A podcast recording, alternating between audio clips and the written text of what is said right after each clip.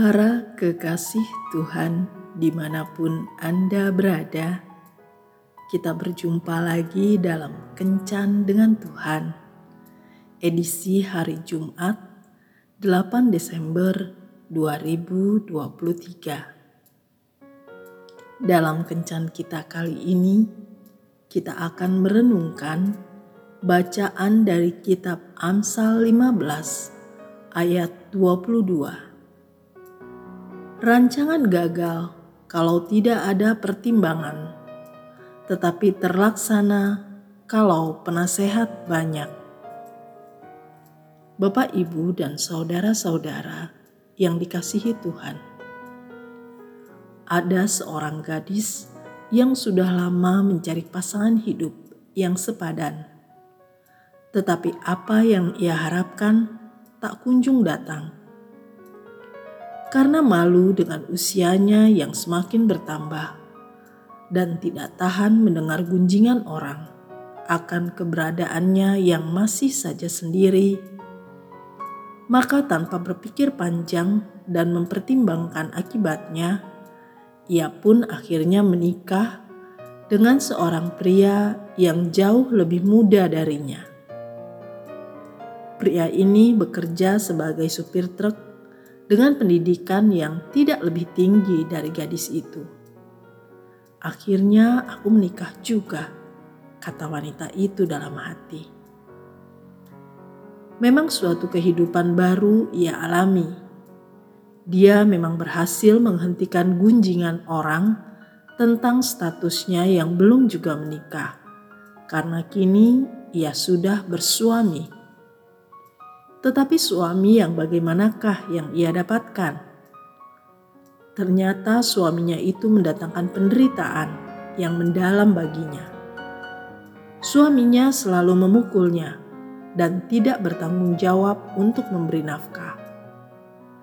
Akhirnya hari-harinya dilalui dengan linangan air mata. Boro-boro mendapatkan kebahagiaan untuk biaya hidup sehari-hari pun harus diusahakannya sendiri, karena sang suami tidak mau tahu. Tidak tahan dengan penderitaannya, wanita itu akhirnya memutuskan untuk bercerai. Gunjingan baru mulai terdengar. Ada janda muda yang baru bercerai. Hati-hati, suami kamu nanti direbutnya. Masalahnya semakin pelik. Tadinya ingin merengguh kebahagiaan pernikahan, tetapi penderitaanlah yang ia dapatkan. Akar dari semuanya adalah karena ia hanya sekedar mengejar status menikah, sehingga tidak bijak di dalam memilih pasangan hidupnya. Seorang wanita yang mengasihi Tuhan berkata, Bukan hidup sendirian yang aku takutkan, tetapi hidup dengan orang yang salah. Terlanjur menikah dengan orang yang salah adalah sesuatu yang fatal. Karena prinsip pernikahan Kristen adalah pernikahan sekali untuk selamanya.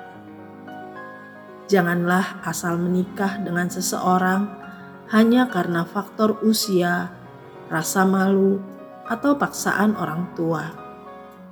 Keputusan untuk menikah merupakan keputusan yang sangat penting. Dibutuhkan pertimbangan yang matang sebelum memutuskannya. Dan yang paling penting, jangan pernah banting harga serta mengabaikan prinsip-prinsip Alkitab di dalam memilih pasangan hidup. Mintalah hikmat dan tuntunan dari Tuhan agar kita menemukan pasangan yang serasi.